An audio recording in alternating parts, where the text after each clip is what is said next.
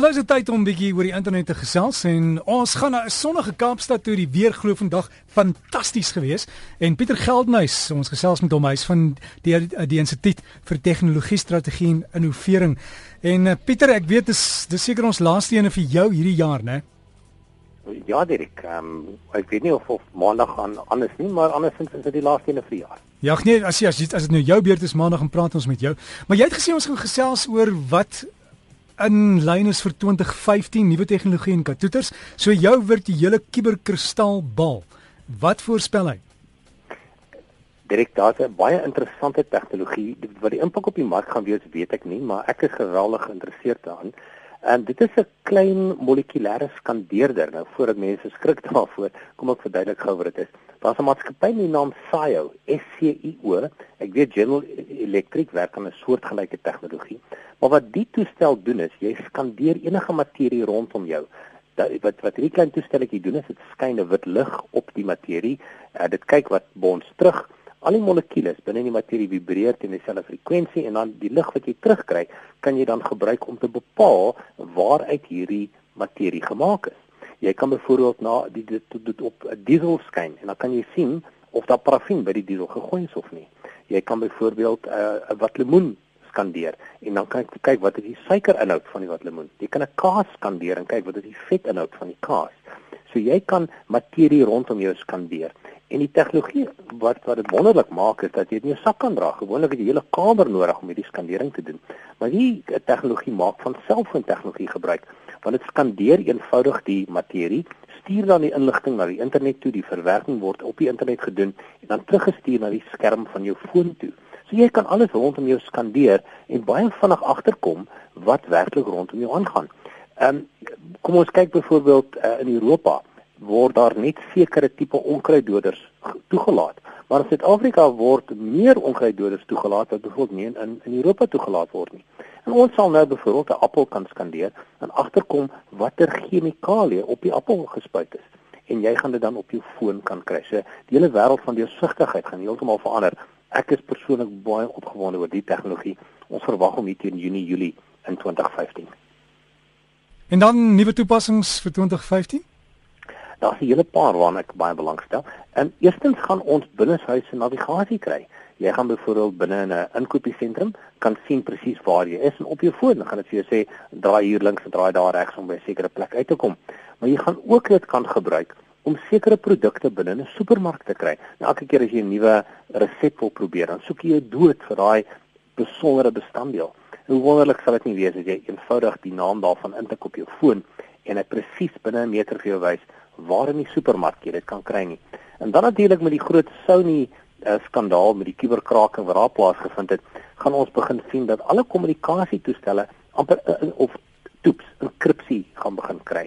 Die die baie bekende of die WhatsApp, dat toep wat jy gebruik vir kommunikasie.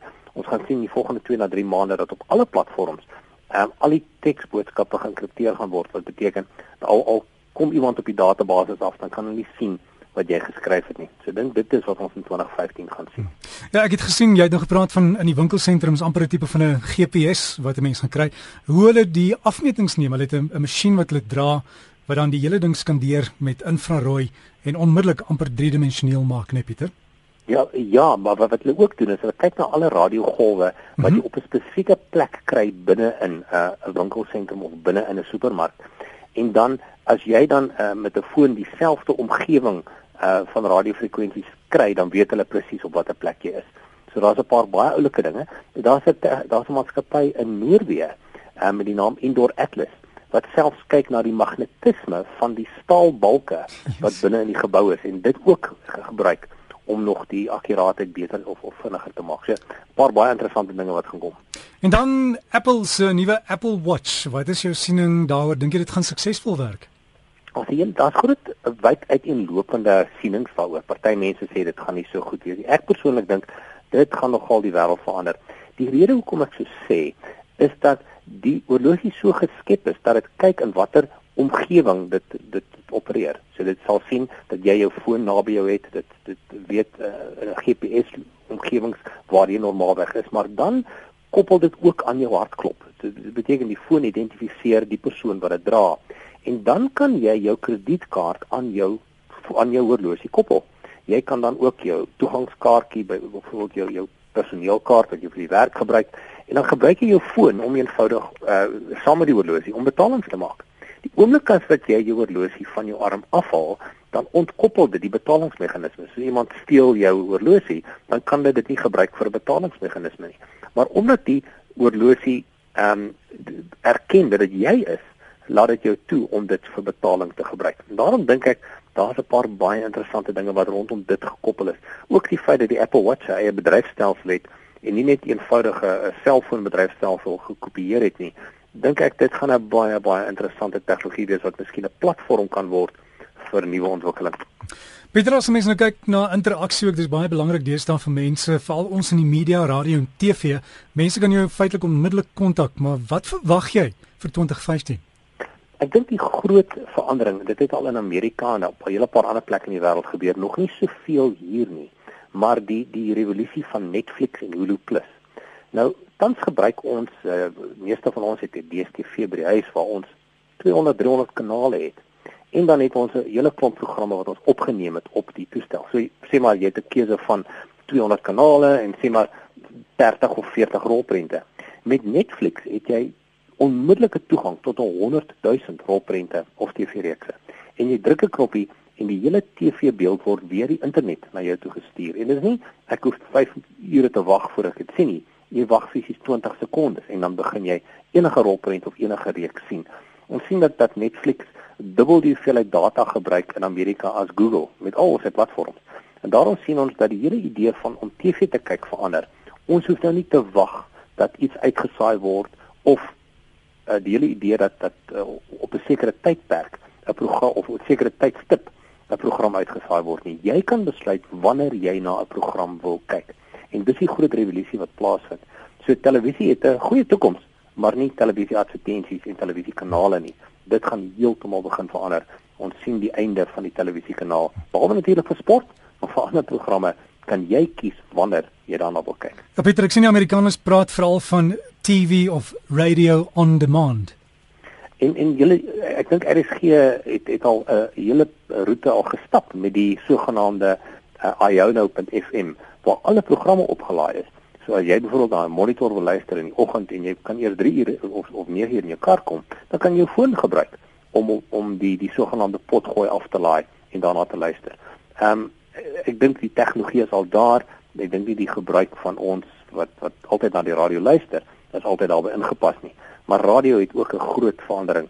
Maar radio is natuurlik 'n wonderlike bron van kommunikasie en ek dink hy gaan baie verander nie. Mense hou dan maar daarvan om die radio aan te skakel en te luister wat tans aan die gang is.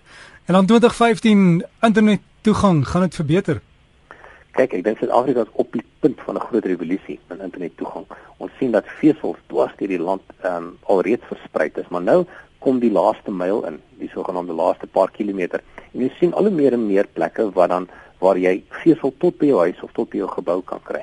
Binne in Johannesburg en in Kaapstad kan jy tot 100 megagrepe per sekonde nou kry. Ons praat van blits van 'n gespoed. En uh in die volgende 3 na 4 jaar sien ons dat groot dele van Suid-Afrika on, on jy weet hierdie massiewe groot ehm um, beweging gaan hê na vinnige internet toe waar jy vesel by jou huis of by jou kantoor kan hê. Maar nie net in terme van vesel nie. Ons sien ook die sogenaamde LTE of long term evolution tegnologie. Ongelukkig het ons in Suid-Afrika nog nie die laer frekwensies beskikbaar gestel nie. Ons LTE hardloop om nog op hoë frekwensies wat hom eintlik maar net na stede of stede loop. Maar sodra die analoë televisiekanale oorskakel na digitaal toe, dan sal jy wonderlike frekwensies van omtrent 680 na 800 MHz hier in die onderkant van die frekwensie leer. En sodra daai frekwensies oop is en jy dit aan die die selfoonmaatskappye gee, gaan ons hierdie hoë spoed bandwydte in groot dele van die land kry. En ons hoop dat in 2015 daai frekwensies beskikbaar gestel gaan word. Ehm um, en dan sal ons wye wye spoed koordlose internet uh, dwars oor die land begin kry. So hopelik gaan dit in 2015. Ja, Pieter, maar ons sal weer gesels en dankie vir daai goeie nuus oor die internet. Ons sal wag vir dit.